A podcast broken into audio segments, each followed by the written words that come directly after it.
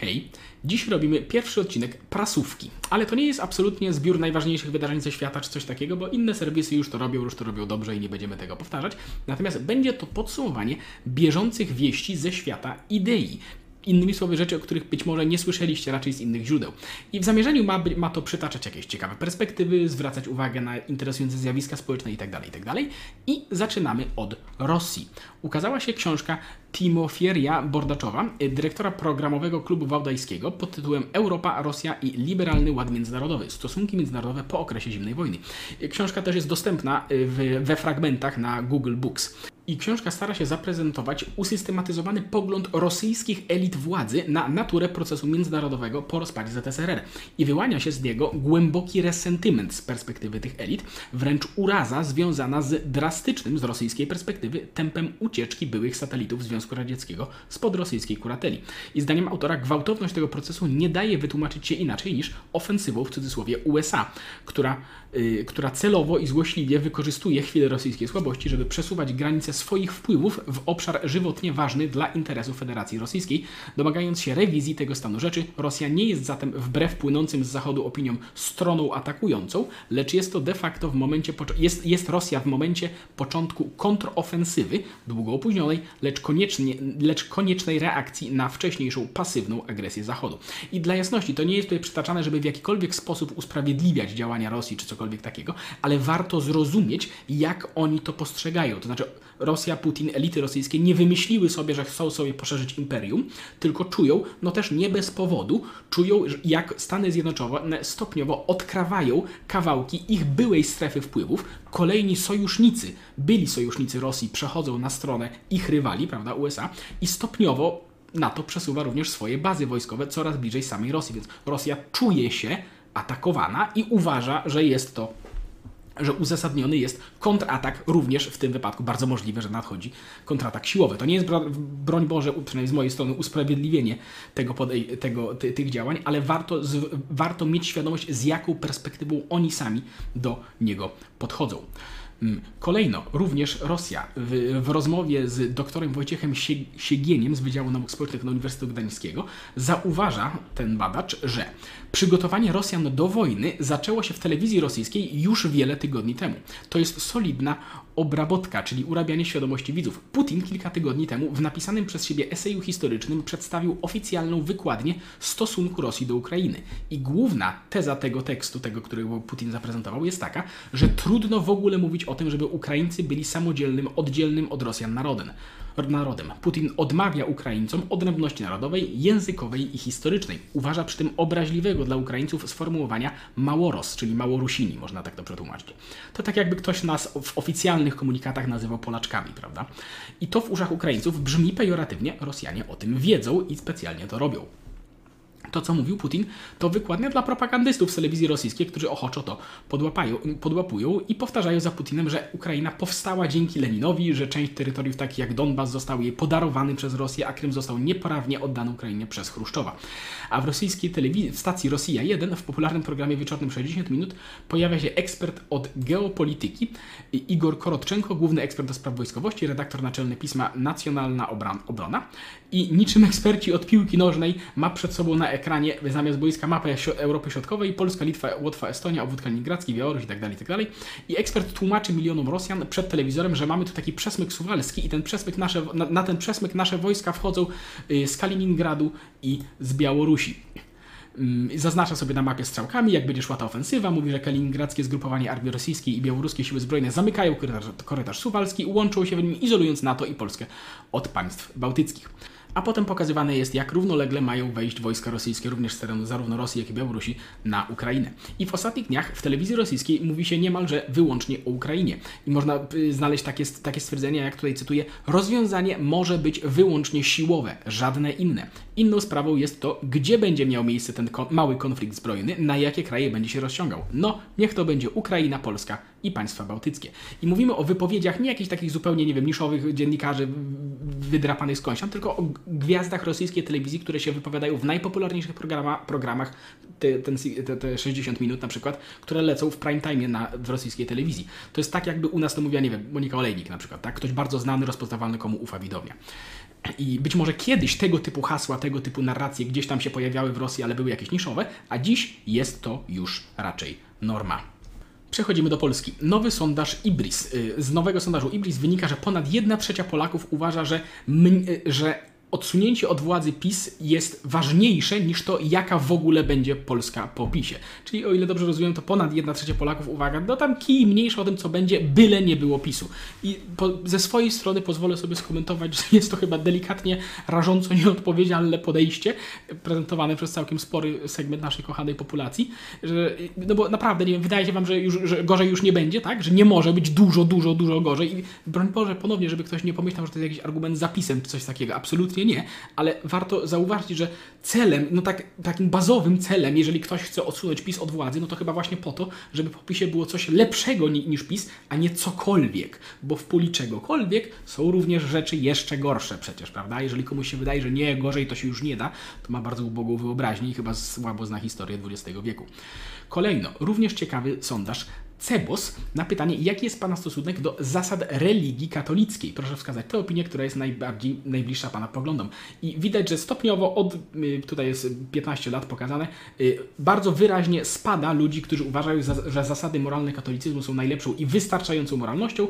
Y, no, trochę mniej, ale spada również ludzi, którzy uważają, że zasady katolicyzmu są słuszne, ale wobec skomplikowania życia trzeba je uzupełnić jakimiś innymi zasadami. Natomiast gwałtownie rośnie odsetek ludzi, którzy uważają, że większość zasad moralnych katolicyzmu jest słuszna, lecz nie ze wszystkimi się zgadzam, a ponadto te, które są słuszne, na pewno nie wystarczają człowiekowi. No i nieznacznie, ale też rośnie moralność religijna jest mi obca, prawda, ale niektóre zasady moralne katolicyzmu uważam za słuszne. Więc tak, y, y, taka ciekawostka jest taka, że y, ja w ogóle nie bardzo wiem, co do końca znaczą te, te pytania, ponieważ stwierdzanie na przykład, że trzeba uzupełniać jakimiś zasadami zasady moralne katolicyzmu, no to w sensie chyba, chyba, że tak powiem, bardzo mało ludzi jest wyłącznie katolikami, większość większość ludzi ma jeszcze jakieś różne inne tożsamości, z których płyną też różne inne zasady i to w sensie samo dodawanie sobie do życia jakichś jeszcze zasad wydaje mi się, że niekoniecznie jest sprzeczne z katolicyzmem, ale nie o to chodzi. Chodzi natomiast o to, że oczywiście mamy bardzo w tym czasie jest bardzo wyraźny spadek tych ludzi, którzy yy, spadek ludzi, którzy uważają, że ta moralność katolicka jest wystarczająca i wzrost ludzi, którzy uważają, że moralność katolicka, nawet jak sympatyzują, to że jest niewystarczająca. I to jest bardzo ciekawe, ponieważ odsetek ludzi, którzy deklarują się jako wierzący, wcale nie spada tak gwałtownie w Polsce. On nadal się utrzymuje na względnie wysokim poziomie, co by sugerowało, że mamy coraz więcej ludzi, którzy owszem deklarują się jako wierzący, być może nawet sympatyzują z katolicyzmem, prawda? Ale właśnie są to właśnie bardziej, nie wiem, katolicy kulturowi można powiedzieć, tak? Ludzie, którzy są fanami katolicyzmu, ale nie wyznawcami jego, tak? Znaczy znajdują tam ciekawe rzeczy, identyfikują się po części, ale nie, nie przeżywają tego, nie są, y, nie jest to, nie wiem, odcinanie się całkowicie od religii czy coś takiego, tylko właśnie traktowanie jej pewnie jako tak, jeden z wielu składników, prawda, jakiś element kulturowy i tak dalej, i tak dalej zaczynają spływać pierwsze dane ze spisu powszechnego GUS, który był w zeszłym roku przeprowadzany. I jedną z pierwszych informacji jest potwierdzenie głębokiego kryzysu demograficznego. W ciągu 10 lat liczba Polaków zmniejszyła się o ponad 330 tysięcy, czyli 1 trzecią miliona. I przypomnijmy, że to są dane z początku zeszłego roku, które nie biorą jeszcze pod uwagę całości skutków pandemii. A przypomnijmy też, że z bieżących danych wiadomo, że w ubiegłym tylko roku, 2021, zmarło aż 520 tysięcy mieszkańców Polski, czyli o 40 tysięcy więcej niż i tak w i tak złym 2020 roku oraz ponad 100 tysięcy więcej niż w latach przedpandemicznych. Ogólnie już co piąty mieszkaniec Polski ma ponad 60 lat. Spadek, widać też bardzo wyraźny spadek liczby osób w wieku produkcyjnym. Ich udział w ludności polskiej przez 10 lat zmalał z ponad 64% do 60%. Wszystko to przy jednoczesnej niewielkiej liczbie rodzących się dzieci oznacza dalsze przyspieszanie wyludniania się Polski.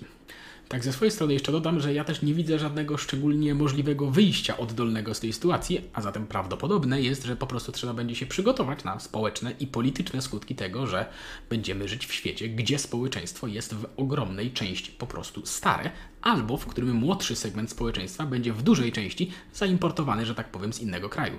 No bo w krajach, w których ludzie nie chcą się rozmnażać, to póki co innych opcji chyba nie wymyślono. Kolejno ciekawostka z Chin. Podczas gdy na zachodnich uniwersytetach coraz częściej, y, zwłaszcza w Stanach Zjednoczonych w Wielkiej Brytanii, słyszy się o takich ruchach, żeby coraz mniej korzystać z tych, z tych klasycznych filozofów zachodnich, europejskich, odchodzić od tego eurocentryzmu, żeby zrywać z tą supremacją myśli zachodniej, bo to jest tylko takie narzucane odgórnie, prawda, to niekoniecznie jest aż takie wspaniałe, to jednocześnie w Chinach y, studenci mnożą się kursy łaciny, greki i kursy właśnie zachodniej filozofii, gdzie studenci, ich studenci postrzegają klasykę europejską jako źródło mądrości, która pozostaje aktualna niezależnie od półkuli. Co jest ciekawe, bo skoro w nawet, no, że tak powiem, jawnie zideologizowanym środowisku akademickim chińskim, prawda, dostrzega się tę wartość, no to może rodzić pytanie, dlaczego u nas po, po naszej stronie, że tak powiem, yy, świata yy, jest jakaś bardzo duża potrzeba na umniejszanie tego.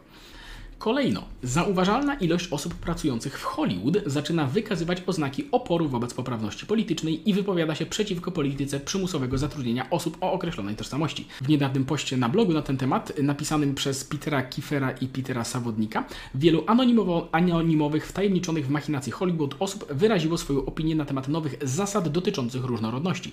I wydaje się, że wielu hollywoodzkich producentów, w tym także audytorium, zauważyło, że wzrost tej ideologicznej polityki był równoznaczny ze spadkiem kulturowego znaczenia filmów.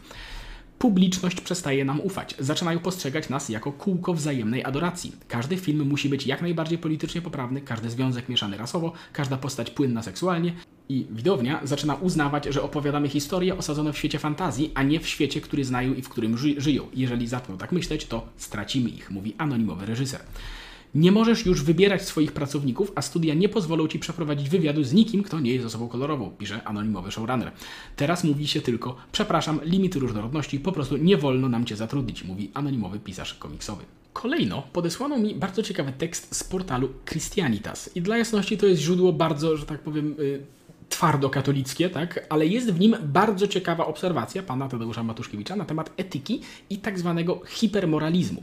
Jego zdaniem współcześnie coraz częściej uważa się, że namysł nad etyką, nad moralnością jest pożądany, gdy ma służyć hamowaniu tych instynktów, które uważamy za niepokojące, czyli gniew, złość, pogarda, wstręt, ale jest niepożądany, jeśli ma hamować te instynkty, które są w opinii potocznej uważane za dobre, czyli troska, miłość, współczucie itd.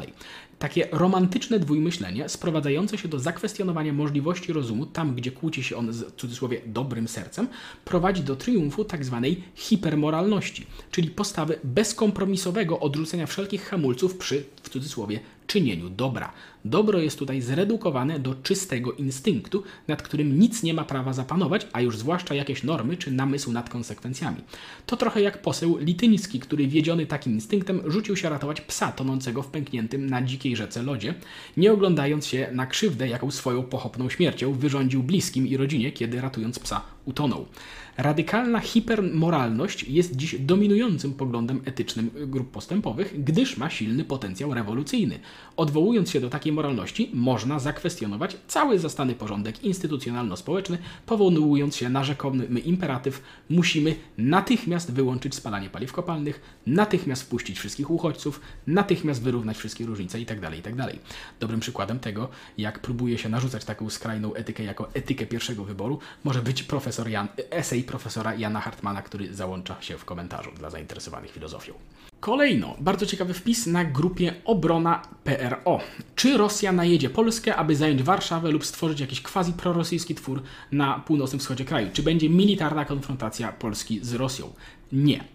Taką krótką i celną odpowiedź można umieścić w odpowiedzi na histeryczne pytania, czy to już, czy to zaraz, czy to natychmiast, czy czołgi rosyjskie ruszą na Białystok, Warszawę i tak. Nie ruszą ani zaraz, ani w dającej się przewidzieć przyszłości. Powody są dwa. Nie mieści się to w ramach rosyjskiej strategii, ponieważ celem Rosji nie jest wcale podbój Polski rozumiany w sposób klasyczny. Natomiast idealna wizja, yy, wizja Polski dla Rosji to jest finlandyzacja tak zwana.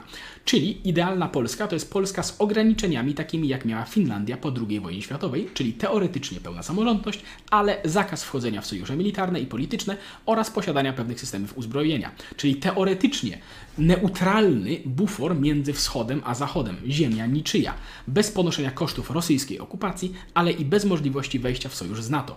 Można też przypuszczać, że owa finlandyzacja miałaby ujmować tak jak w latach 50., 60. i do połowy 70., kiedy wywiad radziecki robił co chciał, a pierwszych dwóch dekadach potrafił porywać niektórych polityków i oficerów z Finlandii wprost do Rosji.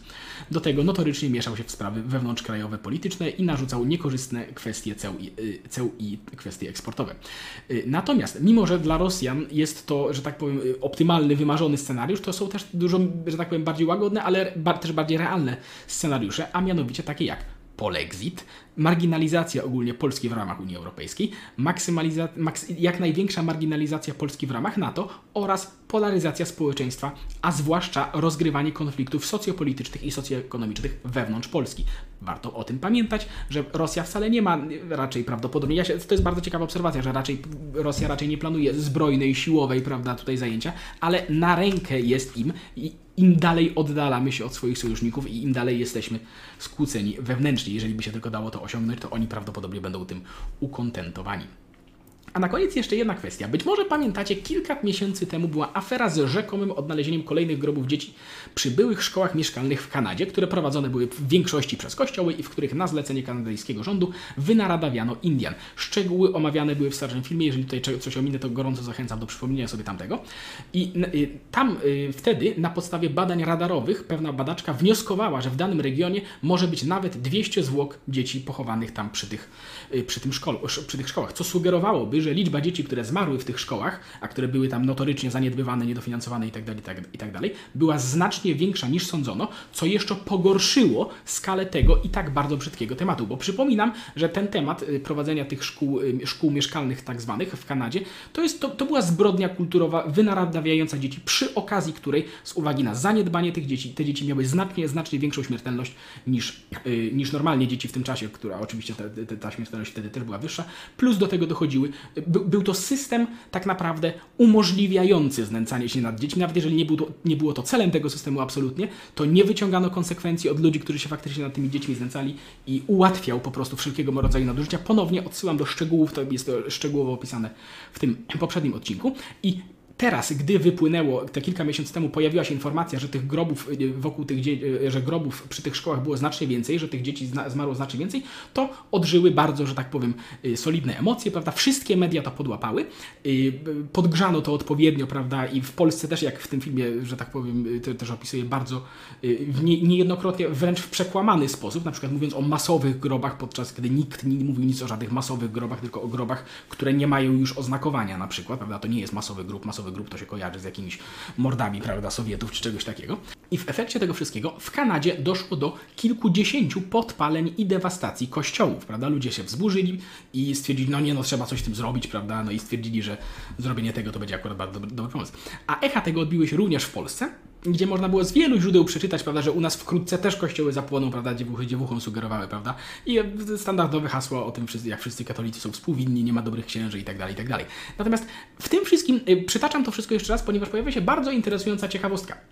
A mianowicie The Federalist zwraca zwrócił ostatnią uwagę, że od tamtego czasu, od tych, y, tego pół roku temu, nie znaleziono ani jednych zwłok, które rzekomo miałyby tam być odkryte.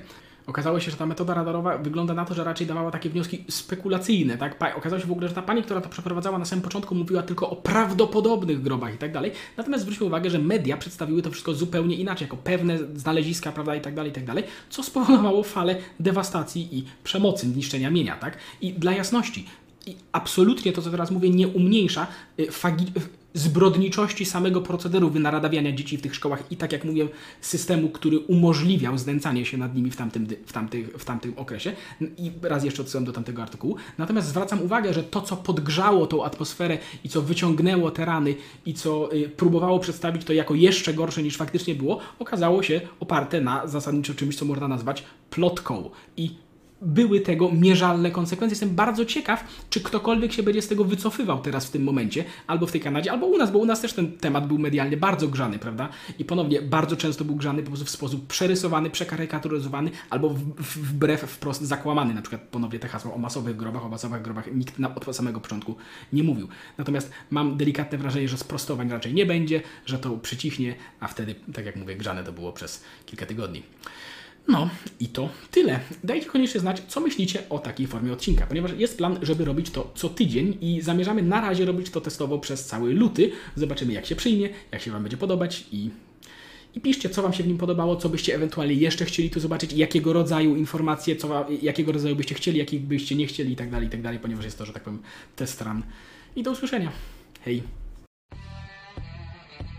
Jeśli chcesz być informowany o kolejnych odcinkach, to kliknij dzwoneczek powiadomienia, żeby żadnego nie przegapić.